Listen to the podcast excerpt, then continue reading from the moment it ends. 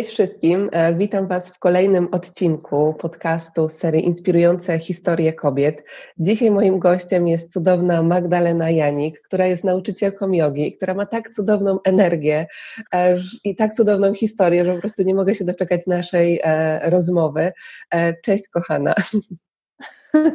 Dzień dobry, dzień dobry. Bardzo mi miło, że tak, w taki miły sposób mnie przedstawiasz że już po prostu buzia mi się cieszy.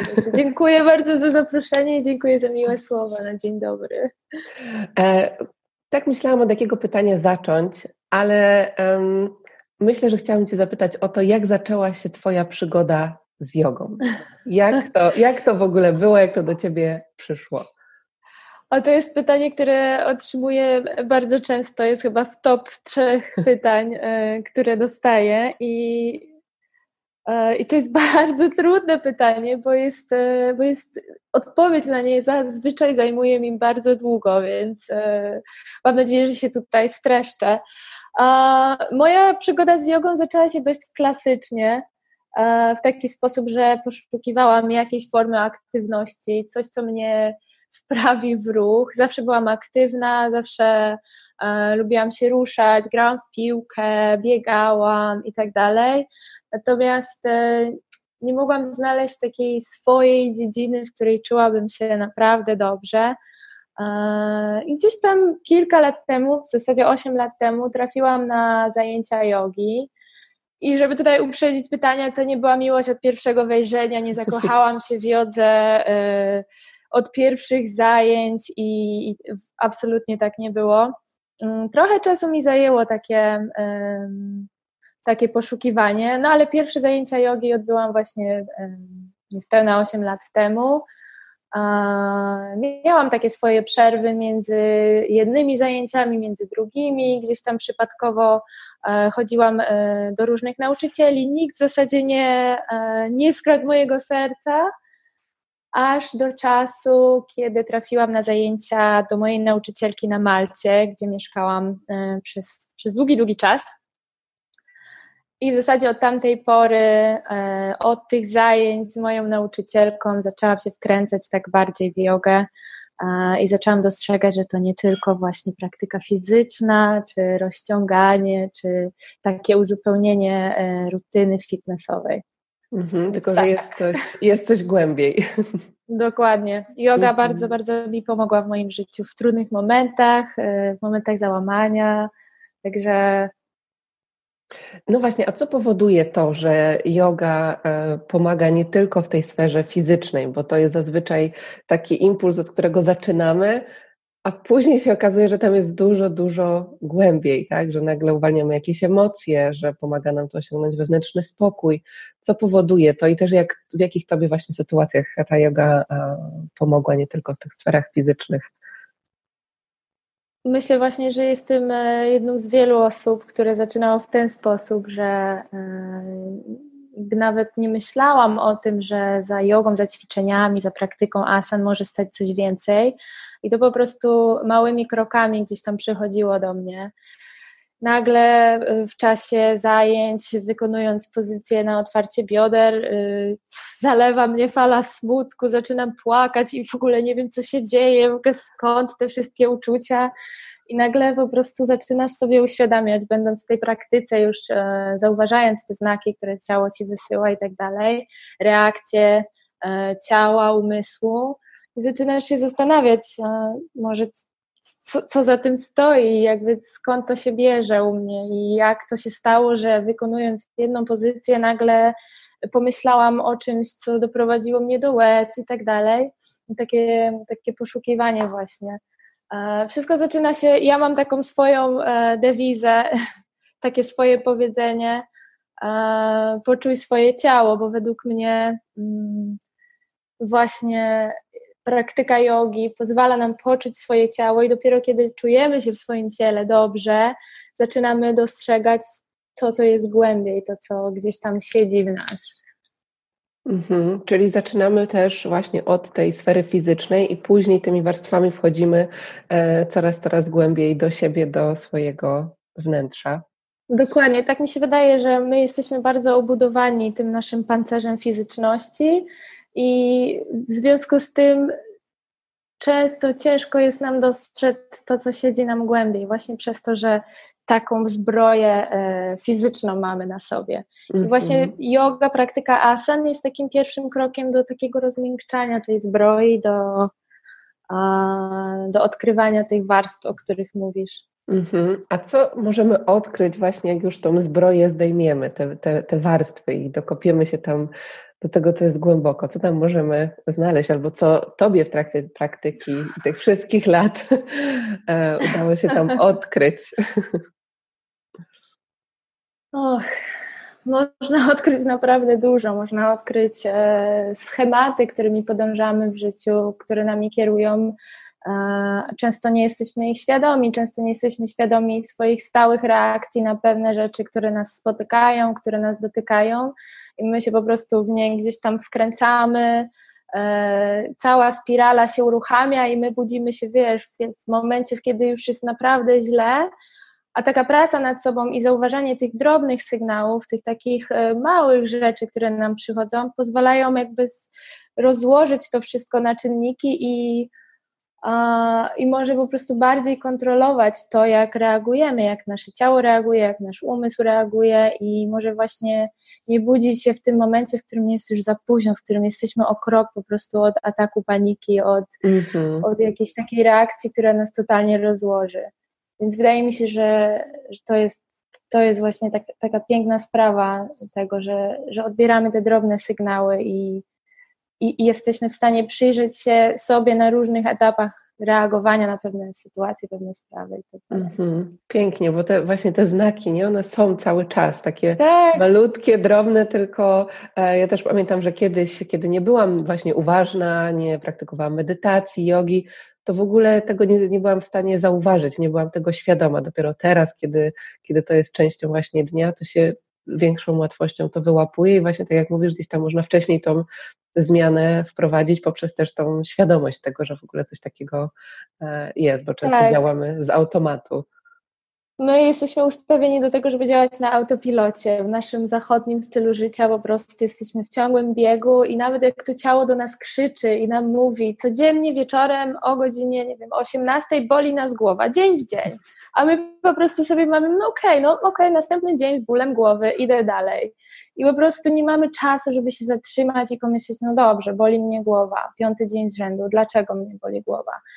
Boli mnie głowa, bo zestresowałam się tym, bo w taki, a nie inny sposób zareagowałam na coś i tak dalej. No to jest po prostu cała po prostu machina, która się gdzieś napędza, a my w tym pędzie właśnie, w całej tej machinie też, e, nie mamy czasu, żeby się zatrzymać i po prostu zastanowić się, skąd się biorą pewne reakcje u nas.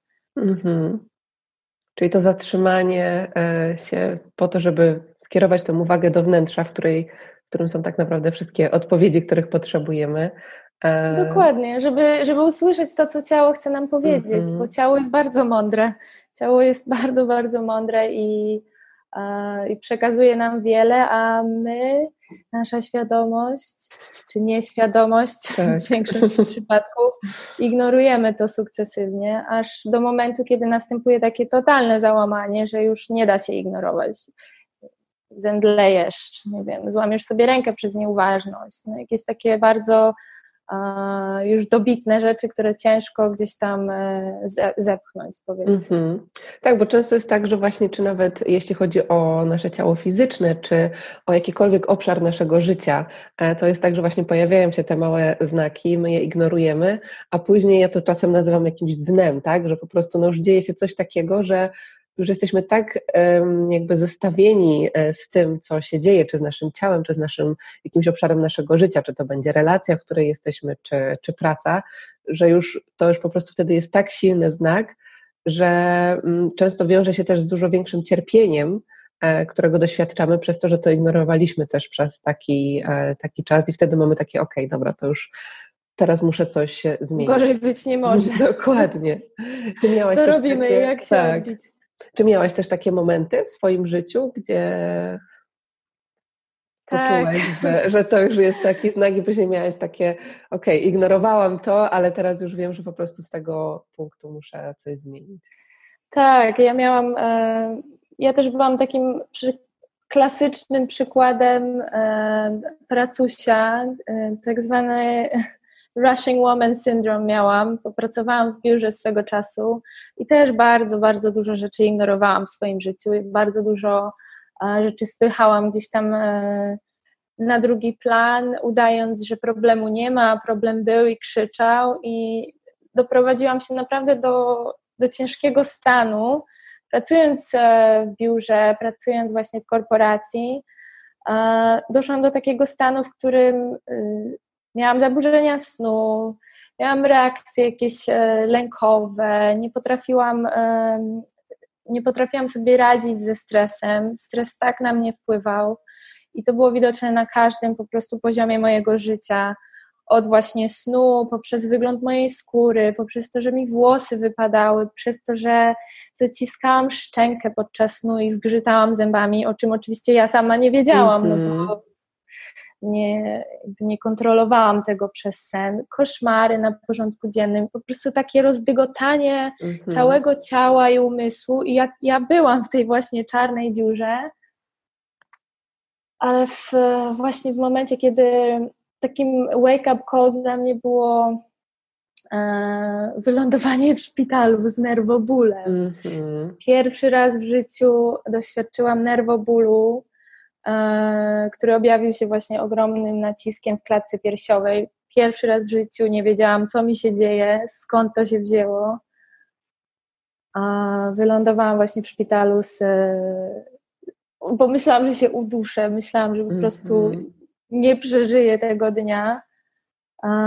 I to właśnie, to, to mnie obudziło bardzo i to mi po, dało do, do myślenia, że no tak, tak być nie może, że coś trzeba w tym kierunku zdziałać, bo y, nie pociągnę tak długo. Mm-hmm. I co się zmieniło później? Czy, czy praktyka też jogi i medytacji pomogła Ci w tym wszystkim? Ja, w, ja w ogóle bardzo, bardzo się stresowałam pracą swoją. Mm-hmm. I moja yoga nakładała się właśnie z pracą. Wydaje mi się, że tylko i wyłącznie dzięki jodze, medytacji i jakimś tam praktykom y, relaksacyjnym udało mi się wytrzymać w tej pracy tak długo, jak wytrzymałam. Mimo, że ja też nie mam jakiejś długiej kariery w korporacji, bo ja zaledwie 4-5 lat pracowałam w biurze, mm -hmm. powiedzmy od poniedziałku do piątku właśnie na, na, takich obrotach, więc to też nie jest, wydaje mi się, jakaś e, e, jakaś taka, wiesz, granica wytrzymałości, natomiast e, to się właśnie zbiegło z moją praktyką jogi, e, praca w biurze i praktyka jogi i to mi bardzo, bardzo pomagało, natomiast nie wystarczało, no nie wystarczało, ja musiałam po prostu zmienić bardzo dużo w moim życiu. A yoga, e, oprócz tego, że właśnie dawała mi tę odskocznię, to też dała mi pomysł na to, co mogłabym zrobić w życiu tak naprawdę, bo mm-hmm. praktyka własna to, jest, to była jedna sprawa, to mnie odciągało, ale ja w tym wszystkim odnalazłam taką swoją pasję i powołanie. Mm, gdzieś tam zaczęło mi świtać w głowie, że może to jest właśnie to, co ja bym chciała robić w życiu. Mm-hmm. No i tak tak zaczęłam kopać, kopać, kopać, aż, e, aż w końcu podjęłam pewne decyzje. Urodził mi się pomysł, że będę nauczycielką jogi i potem sukcesywnie do tego dążyłam. Mm-hmm. I jaka była kolejna decyzja, taka dosyć odważna w Twoim życiu, która była pewnie też następstwem tego, co do Ciebie przyszło, czyli odnalezienia tego właśnie takiego powołania, że bycie tą nauczycielką to może być właśnie to, że to jest to, co, to, co czujesz. E, ciąg przyczynowo-skutkowy u mnie wyglądał tak, że e, chodziłam do pracy, zajeżdżałam się w tej pracy. Po pracy chodziłam na jogę i yoga mnie bardzo relaksowała. Aż w pewnym momencie pomyślałam, no dobrze, no to może zrobię kurs nauczycielski. Cały czas mając, e, mając swoją pracę, jakby nawet nie myśląc o tym, że, jeszcze, że ją rzucam już teraz. Mm -hmm. E, I później, y, później nastąpił ten moment, w którym powiedziałam sobie: OK, robię kurs nauczycielski, wyjeżdżam. Wyjeżdżam na miesiąc, odcinam się od tego wszystkiego i wtedy zastanowię się, co dalej. Więc zapisałam się na kurs nauczycielski na Bali. zapisałam się z ogromnym wyprzedzeniem, więc czekanie na ten kurs to była po prostu taka lekcja cierpliwości i takiego po prostu wytrwania w tym, ale przyświecał mi właśnie ten cel, więc jakby dni w pracy były troszeczkę lżejsze, troszeczkę bardziej znośne. E, też nie chcę, nie chcę, żebyś pomyślała, że e, całe moje życie było takie, że czekałam na coś. Jakby potrafiłam się cieszyć mm-hmm. tym, mhm. tym, życiem, e, które się toczyło, natomiast bardzo, bardzo czekałam na ten kurs nauczycielski. No i w końcu nadszedł ten dzień, wyjechałam na Bali, wykorzystując cały swój urlop i to był styczeń, czyli mm. przed sobą miałam perspektywę tego, że wracam, wracam do pracy, bo też nie byłam taką szaloną e, taką szaloną po prostu osobą, która powiedziała sobie, o, rzucam pracę z dnia na dzień i Lecę. nie mam. Nie, gdzieś tam z tyłu głowy miałam, e, miałam tą świadomość, że, że świat materii jeszcze istnieje mm-hmm. i muszę się utrzymać i muszę jakoś funkcjonować i tak dalej. Także pojechałam na ten kurs e, i ten miesiąc to po prostu była taka przygoda. To było to było wywrócenie mojego życia do góry nogami.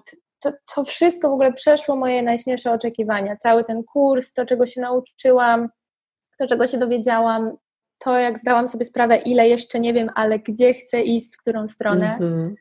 A, no i wróciłam później do pracy, już z takimi mocnymi postanowieniami, że to jest ten rok, w którym zmieniam wszystko i, i wierzę w to całym sercem i teraz całą swoją energię poświęcę temu, żeby właśnie oddać się um, temu, co chcę robić, żeby już nie marnować czasu uh, i, i, i, zdrowia przede wszystkim, mm -hmm. psychicznego, fizycznego, siedząc mm. w firmie, która wysysała ze mnie energię. Mm-hmm. A co było takim dla Ciebie największym odkryciem w czasie tego, tego kursu i tej pierwszej podróży e, na Bali? Czy jesteś w stanie powiedzieć, bo na pewno tak jak mówisz, była tak. to ogromna zmiana, ale co było takiego? Coś, co zapadło mi w pamięć, co było dla mnie takim aha moment, tak. to to, że ja nie jestem sama w tym wszystkim, że ja nie, ty, mm. nie tylko ja jestem zagubiona na tym świecie, mm-hmm. że nagle znalazłam się w grupie 25 osób, y, które myślą podobnie, które mają podobne zajawki, które mają podobne rozterki, są zewsząd, po prostu z każdego zakątka świata i mają dokładnie te same problemy. I to było dla mnie takie pocieszające, że aha, no dobra, czyli, czyli jest z tego wyjście, czyli, czyli damy radę. I to było bardzo takie podnoszące na duchu. Więc to chyba taka jedna z ważniejszych rzeczy, która gdzieś tam do mnie trafiła podczas tego kursu. Mhm, ale to jest piękne, co mówisz, bo często właśnie mam takie poczucie, że wydaje nam się, że my jesteśmy po prostu sami z tymi wszystkimi e, problemami czy uczuciami, które się pojawiają, szczególnie właśnie jak e, szukamy swojej drogi. E, ja pamiętam też swoje początki, czy dziewczyny, z którymi pracuję, to że często jest tak, że właśnie, że nie wiemy co dalej, tak? jaki powinien być kolejny krok i wydaje nam się, że właśnie to tylko my nie wiemy, że wszyscy wokół dokładnie wiedzą, a to my jesteśmy tymi, które są gdzieś tam pogubione i, i nie wiedzą co dalej. Tak. I później znajdujesz się w takim otoczeniu i czujesz, że, że nie jest z tobą nic nie tak, tylko że. Wręcz przeciwnie, wręcz że, przeciwnie. że weszłaś na jakąś ścieżkę y, drogi, która, która wiedzie naprawdę w fajne miejsca i widzisz ludzi w różnym wieku, w, na różnych etapach życia i, i znajdujecie te, te takie y, rzeczy, które was łączą, to jest przepiękne. Bo jest też chyba taka presja, znaczy nie chyba, tylko na pewno, tak, żeby do pewnego roku życia po prostu mieć już wszystko, że już musimy wiedzieć, tak, czy będziemy się zajmować, tak. E, czy będziemy mieć rodzinę, albo najlepiej już ją od razu mieć.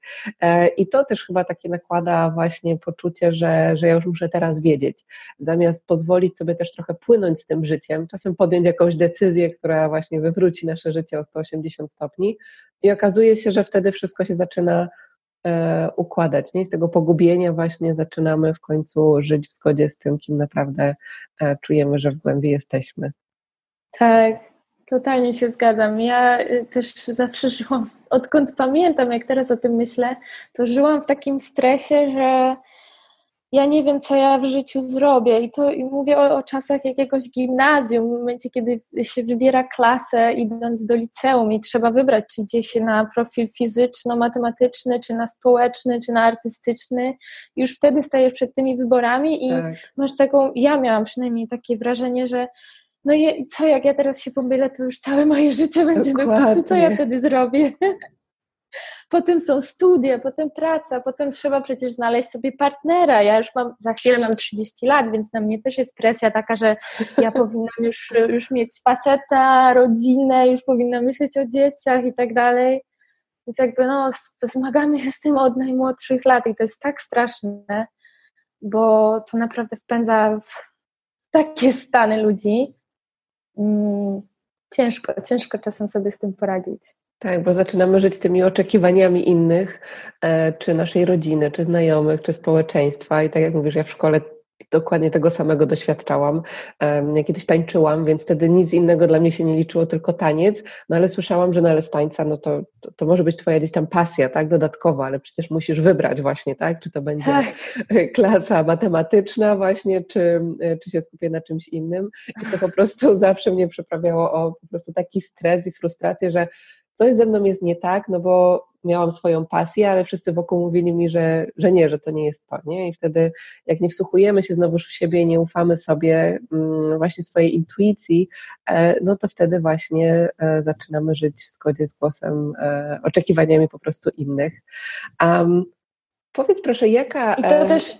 Tak to też kreuje takie fałszywe y, nasze oczekiwania wobec siebie, mm, bo my się tak zapętlamy w tym, że potem my myślimy, że to są nasze oczekiwania wobec siebie, a tak naprawdę one nic nie mają wspólnego z tym, co my chcemy od własnego życia.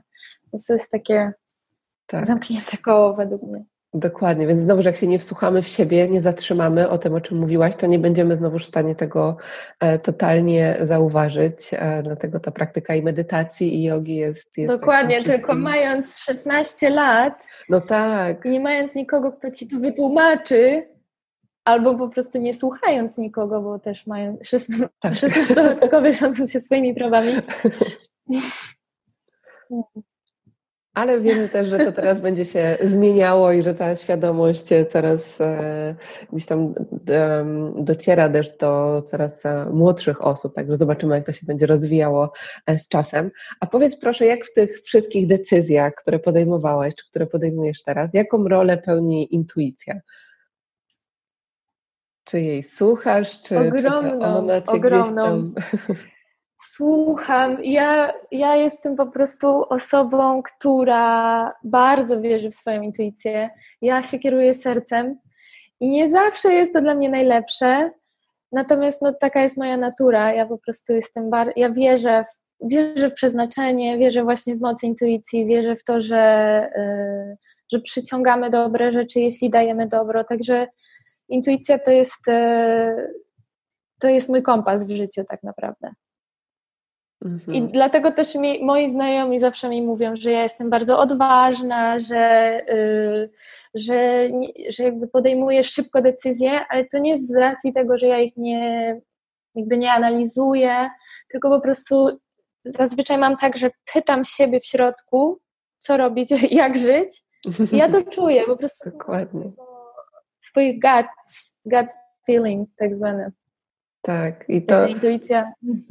Dokładnie. I ta intuicja też, tak jak właśnie mówię, że czasem nie musimy analizować, wręcz przeciwnie, tylko po prostu wsłuchać się w siebie, głos swojego serca i to nas e, prowadzi. A jakbyś miała powiedzieć, jak to, mm, jak ta intuicja się z Tobą komunikuje, bo zazwyczaj to jest też takie wyzwanie dla osób, które być może właśnie nie czują, że mają to połączenie z intuicją, albo po prostu nie wiedzą, jak e, je mm, nazwać, zdefiniować, tak? Bo nikt nas znowuż też w szkole nie uczy tego, żeby słuchać swojej intuicji.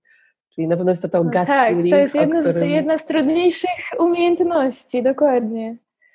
Um, wydaje mi się, że taką, taką najprostszą rzeczą, którą można zrobić, jeśli pytasz się swojej intuicji o to, czy robisz dobrze, czy nie, to po prostu zaobserwować reakcję swojego ciała, czy też swojego umysłu na, na dany pomysł, który przychodzi ci do głowy. I jeżeli mam taką mam taką historię śmieszną. Kiedyś sobie myślałam, że rok temu wybierałam sobie czas na marzec, miałam wolny miesiąc marzec i miałam na swojej liście rzeczy do zrobienia vipassana i wyjazd do Indii, do ashramu praktykować e, jogę przez miesiąc, ashtanga. No i pomyślałam sobie, że no super będzie pojechać do tej Indii i popraktykować ashtangę. I w momencie, kiedy ja sobie e, o tym pomyślałam, to zestresowała mnie sama myśl o tym, że ja muszę poszukać biletu do Indii i polecieć tam sama. I przez dwa dni stresowałam się samym pomysłem, że miałabym lecieć do Indii sama. To mnie bardzo stresowało. Mm -hmm. I w końcu usiadłam i mówię, no Magda, no przecież ciebie stresuje sama myśl, myśl. na ten temat, więc jak ty w ogóle chcesz lecieć do tych Indii? No i od razu odpuściłam ten pomysł tak. i wybrałam Vipassana w Tajlandii. Mm -hmm. Więc jakby takie po prostu połączenie się ze sobą i pomyślenie, co, jakie uczucia przynosi wizja danego pomysłu, danej decyzji i tak dalej, po prostu reagowanie na to. Mm -hmm. Pięknie. Ten wewnętrzny spokój, tak jak mówisz, jak ktoś nam przynosi e, stres, od razu gdzieś tam płytszy oddech, to to, to znaczy, Dokładnie. że albo nie na teraz, albo po prostu nie ta decyzja, ten wewnętrzny spokój, taka radość, to jest ten nasz e, kompas. Pięknie. A, Otóż to. E, mówiłaś też o takiej różnicy między osobami właśnie, czyli tutaj naszym zachodem i, e, i wschodem, tak, bo przez, e, przez jakiś czas też mieszkałaś na Bali, e, już później po tej decyzji, tak, bo teraz e, dobrze pamiętam. Jaka... Tak, ma, nie ma dwa lata. Tak, e, to jaką taką największą też różnicę właśnie zauważyłaś między tą kulturą naszą, właśnie, która tak ciężko jest nam się zatrzymać, a ich kulturą i co z tamtej kultury też wzięłaś e, do siebie, co Ci pomogło w takiej e, równowadze na co dzień? Myślę, że te pojęcia e, wschodu i, i, i zachodu teraz troszeczkę tracą, tracą jakby sens, bo bo wcale nie trzeba być na zachodzie, żeby, żeby robić ten taki zachodni styl życia. Azjaci również przejmują nasz mm -hmm. zachodni styl życia i są tak samo zakręceni na, na pracy, są tak samo zakręceni na punkcie rzeczy do zrobienia i tak dalej. Natomiast gdzieś tam w tych, y, w tych korzeniach to chyba takie właśnie ten wewnętrzny spokój i wiara w to, że będzie to, co ma być, że to, co się wydarzy, i nie mamy na to wpływu, to to będzie i tak dalej, bez, bez takiego stresowania się i zamartwiania tym, co będzie, bądź tym, co było. Bo to jest nasz największy problem. Wszystkich ludzi wydaje mi się, że my albo siedzimy w przeszłości i rozpamiętujemy to, co było z żalem, ze smutkiem, z nostalgią, albo po prostu myślimy o przyszłości i myśli o przyszłości to zazwyczaj jest stres, bo my nie wiemy, co nam ta przyszłość przyniesie i rzadko kiedy to jest ekscytacja na coś, co ma przyjść, tak. tylko bardziej rozkminy pod tytułem, a jak ja sobie poradzę, a co się wydarzy, a czy będzie mnie na to stać, no już po prostu całe spektrum tak. zamartwiań. I przez to tracimy, tracimy to, co się dzieje teraz, a tak naprawdę jak tak sobie spojrzymy, nie mówię, mówię o, o ludziach, którzy są uprzywilejowani teraz, mają dach nad głową, są zdrowi, jest im ciepło, zjedli, mają kogoś bliskiego obok siebie. Jak tak naprawdę się zatrzymasz i pomyślisz, czy jak ci jest teraz, to jest ci dobrze, czy coś mm -hmm. innego się liczy. I tam nie wiem, czy to, czy to bali, to sprawi. Myślę, że nie, bo miejsce jest najmniej istotne w tym wszystkim. Mm -hmm. Myślę, że ten czas, który tam spędziłam, e, po prostu nauczył mnie tego, żeby żyć w tej chwili, tu i teraz, bo to jest najważniejsze. I mhm. wcale mówiąc o tym, nie myślę, nie mam na myśli tego, żeby absolutnie nie przejmować się tym, co będzie, czy być po prostu jakimś niebieskim ptakiem i e, odlatywać, czy nie mieć, e, czy nie wyciągać lekcji z tego, co było. Nie, absolutnie nie o to mi chodzi, ale po prostu żyć chwilą na zasadzie takiej, żeby się cieszyć tym, co jest teraz. A mhm. zazwyczaj mm -hmm. mamy dobrze tym, co jest Dokładnie. tu i teraz. Jak się rozejrzymy wokół, skupimy się na swoim oddechu, to się okazuje, że mamy w sumie wszystkiego, co, czego, czego potrzebujemy. Dokładnie. Piękne przesłanie.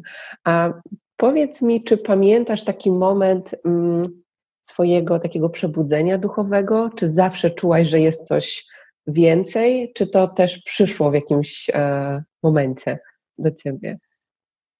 Ja zawsze, teraz już wiem jak to nazwać, zawsze miałam otwarte trzecie oko. Wcześniej może, czyli mają właśnie tak. czakrę trzeciego oka, czakrę intuicji. Wcześniej może nie wiedziałam jak to nazwać, może nie miałam narzędzi, żeby e, móc to opisać czy zrozumieć ale zawsze czułam, że, y, że jest coś więcej. Nawet jako, jako dziecko zawsze wierzyłam w sny, zawsze wierzyłam w jakieś takie rzeczy, które nie są do końca wytłumaczalne. Mnie nie trzeba było nigdy przekonywać. Zresztą miałam naprawdę szereg y, dziwnych sytuacji w życiu, których, y, które, które ciężko wytłumaczyć, które ciężko komukolwiek opowiedzieć. Więc ja jakby zawsze byłam otwarta na takie rzeczy. Zawsze też e, wydaje mi się, że byłam szczęściarą w życiu, mimo że mimo że może nie miałam najłatwiejszego dzieciństwa, najłatwiejszego życia, to gdzieś tam czułam takie wsparcie. Dzisiaj bym to nazwała wszechświata, wcześniej może, nie wiem, dobrego ducha, anioła. Także mnie nie trzeba przekonywać e, do -hmm. różnych rzeczy. Czyli gdzieś to było z tobą po prostu od, od zawsze, czułaś to połączenie, czułaś, że jest coś więcej. Mhm. E, Znalazłam gdzieś też, e, zresztą też z tego, co, e, o czym mówisz na, na Instagramie czy w trakcie medytacji, to, że ta miłość do siebie jest jedną z takich e, głównych wartości, ta akceptacja. Czy mogłabyś powiedzieć, jak ta miłość, ta droga do pokochania siebie u Ciebie wyglądała? Czy to też było tak, że to było z Tobą od zawsze, czy to było coś, co gdzieś tam budowałaś z czasem? No to, to była i jest nauka cały czas sobie i zauważyłam, że właśnie brak tej miłości do siebie bardzo dużo mi komplikuje w życiu. I tak naprawdę, y, jak zaczęłam się zastanawiać nad tym, czym jest samoakceptacja, miłość do samej siebie, to dopiero wtedy zorientowałam się, jak ja bardzo siebie nie lubiłam przez całe swoje życie, jak ja bardzo e, się krytykowałam przez całe życie, jak, jaką, jaką byłam straszną osobą dla siebie, mm -hmm. jak mówiłam do siebie wewnętrznie, jak siebie, jak siebie właśnie oceniałam. Mm, nieświadomie, bo oczywiście mając te schematy, stajesz przed lustrem i myślisz, Boże, jesteś brzydka jak jesteś gruba, mm -hmm. nic ci znowu nie wyszło i nie mając tej świadomości, czym w ogóle jest samo, samoakceptacja, miłość do samej siebie, po prostu wstajesz rano, patrzysz na siebie i myślisz sobie, no dobra, kolejny dzień, nie wyglądasz dobrze i tak dalej. I tak, tak całe życie gdzieś tam sobie powtarzasz te złe rzeczy i zaczynasz w to wierzyć, bo skoro tak sobie powtarzasz, to tak pewnie jest. Mm -hmm. Więc jakby to jest y, to był, to był ogromny proces dla mnie. E, wydaje mi się, że tak dopiero od, od kilku lat nad tym świadomie pracuję i to jest, tak jak powiedziałam, praca ciągła, cały mm -hmm. czas. Na całe życie. Na całe życie, bo trzeba sobie przypominać o tym, że nie można do siebie mówić tak brzydko, nie można do siebie nie można się krytykować za każdą rzecz. Nie można sobie mówić, Jezu, jaka jesteś głupia, że tego nie zrobiłaś, albo no nie wiem, jest szereg takich przykładów, które przychodzą nam zupełnie naturalnie mm -hmm. i nawet mhm. nie mamy, nie mamy takiej intencji, żeby coś złego sobie powiedzieć, tylko gdzieś tam już z automatu mówimy, Boże, jaka jesteś głupia ale jesteś gruba, ale jesteś brzydka, nie? I jakby łapać się na tym mm -hmm. i mhm. zastanowić się, dlaczego ja do siebie tak powiedziałam. Mm -hmm. Co tam jest znowuż głębiej pod tym, czyli znowu się zatrzymać, wsłuchać, przytulić z miłością. Dokładnie. Bo, tak jak mówisz, czasem my jesteśmy po prostu e, do, do nikogo po prostu z zewnątrz byśmy tak nie powiedzieli takich słów, czasem jak mówimy właśnie do samych siebie, że to my często jesteśmy tak. swoim e, gdzieś tam największym krytykiem. A to, jest moje ulubione, to jest moje ulubione porównanie, jeśli chodzi o, o to, jak uczyć ludzi i siebie, żeby być dla siebie dobrym. Czy powiedziałabyś tak do swojej najlepszej przyjaciółki, albo do swojej Dokładnie. siostry, albo do mamy? Tak. I wtedy jest takie, nie no, w życiu bym tak nie powiedziała, bo przecież ja ją kocham. No to Dokładnie. do siebie też tak nie mów. Dokładnie. A czym w takim razie dla Ciebie jest ta miłość do samej siebie i akceptacja siebie? Akceptowanie siebie dokładnie w takim mm, wydaniu, jakim się jest aktualnie. mówienie sobie, że jest się najlepszą wersją siebie i, i tutaj też właśnie nie chodzi o to, żeby zrezygnować z pracy nad sobą, to absolutnie nie o to chodzi, ale akceptować to, co jest w danym momencie, to, co mamy na tą chwilę tu i teraz. Po prostu dawanie, dawanie sobie takiej wyrozumiałości, takiego po prostu takiego otulenia siebie dobrocią po mm -hmm. prostu. Pięknie, pięknie to powiedziałeś, tak. To otulenie siebie dobrocią, tak do mnie wspaniale przemawia. Um, powiedz proszę, czy jest coś, o co Cię nie zapytałam, a czym chciałabyś się e, podzielić tutaj z osobami, które będą nas słuchały? Ojejku. Nie wiem, jest dużo, dużo takich rzeczy, o które mnie nie zapytałaś, po prostu poszliśmy w taki... Ojej, nie wiem, nie wiem, nie, mm -hmm. nie mam mhm. pomysłu teraz na to. Okej, okay. a jakbyś miała w takim razie, tak podsumowując um, tą całą swoją drogę, um, bo na pewno też będą nas szczególnie słuchały osoby, które właśnie szukają swojej drogi w życiu, to jakbyś miała wybrać takie trzy najważniejsze rzeczy, które na tym początku mogłyby im pomóc w tym odnalezieniu tego, co jest właśnie e, w zgodzie z nimi, to co by to było?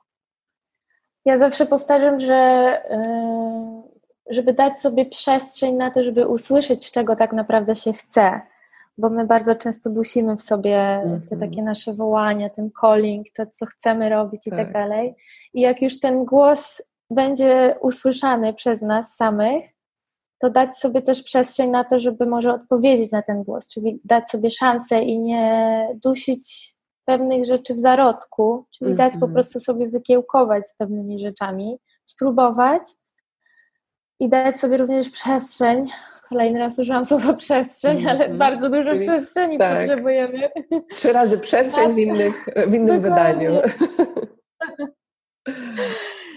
Na to, żeby próbować i pozwalać sobie na, yy, na porażki po prostu, mm -hmm. żeby mhm. próbować, żeby się nie udało, ale żeby się nie poddawać, może spróbować jeszcze raz i nie dobijać się tym, jeśli coś nie wyszło.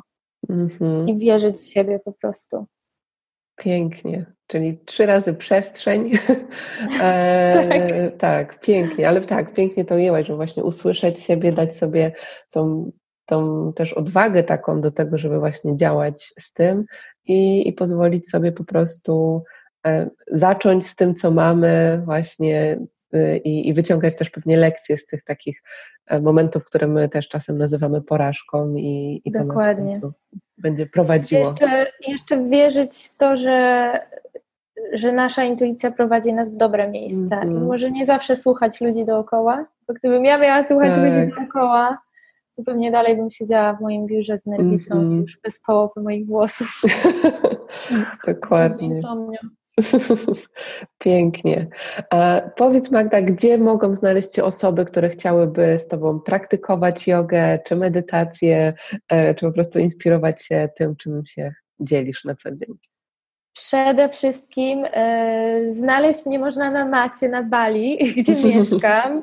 E, odwiedzam też Polskę, staram się dwa razy w roku, no teraz nie udało mi się dolecieć z racji tego, co się dzieje na świecie, ale jak jestem w Polsce, to też przyjeżdżam ze, z warsztatami, z zajęciami. Także to jest moja ulubiona forma spotkań, tak. face to face. Bardzo lubię y, prowadzić zajęcia na żywo i spotykać się z ludźmi właśnie na macie w czasie rzeczywistym. Ale jeżeli nie ma takiej możliwości, to też prowadzę swój kanał na YouTubie. Mm, dopiero raczkuję tak naprawdę, ale e, już wiem, że będę chciała go rozwijać. I do tego jeszcze prowadzę e, profil na Instagramie, na którym postuję, na którym robię medytację na żywo, i informuję o wszystkich wydarzeniach, które się odbywają z moim udziałem i nie tylko. Także to są bycie na macie ze mną oraz dwa moje kanały główne. Okej, okay, cudownie, dziękuję. Na pewno e, wiele osób będzie chciało dalej e, też czuć tą Twoją energię, inspirację, bo to jest e, niesamowite. Także dziękuję Ci za naszą e, rozmowę. Ja również dziękuję, bardzo, bardzo dziękuję.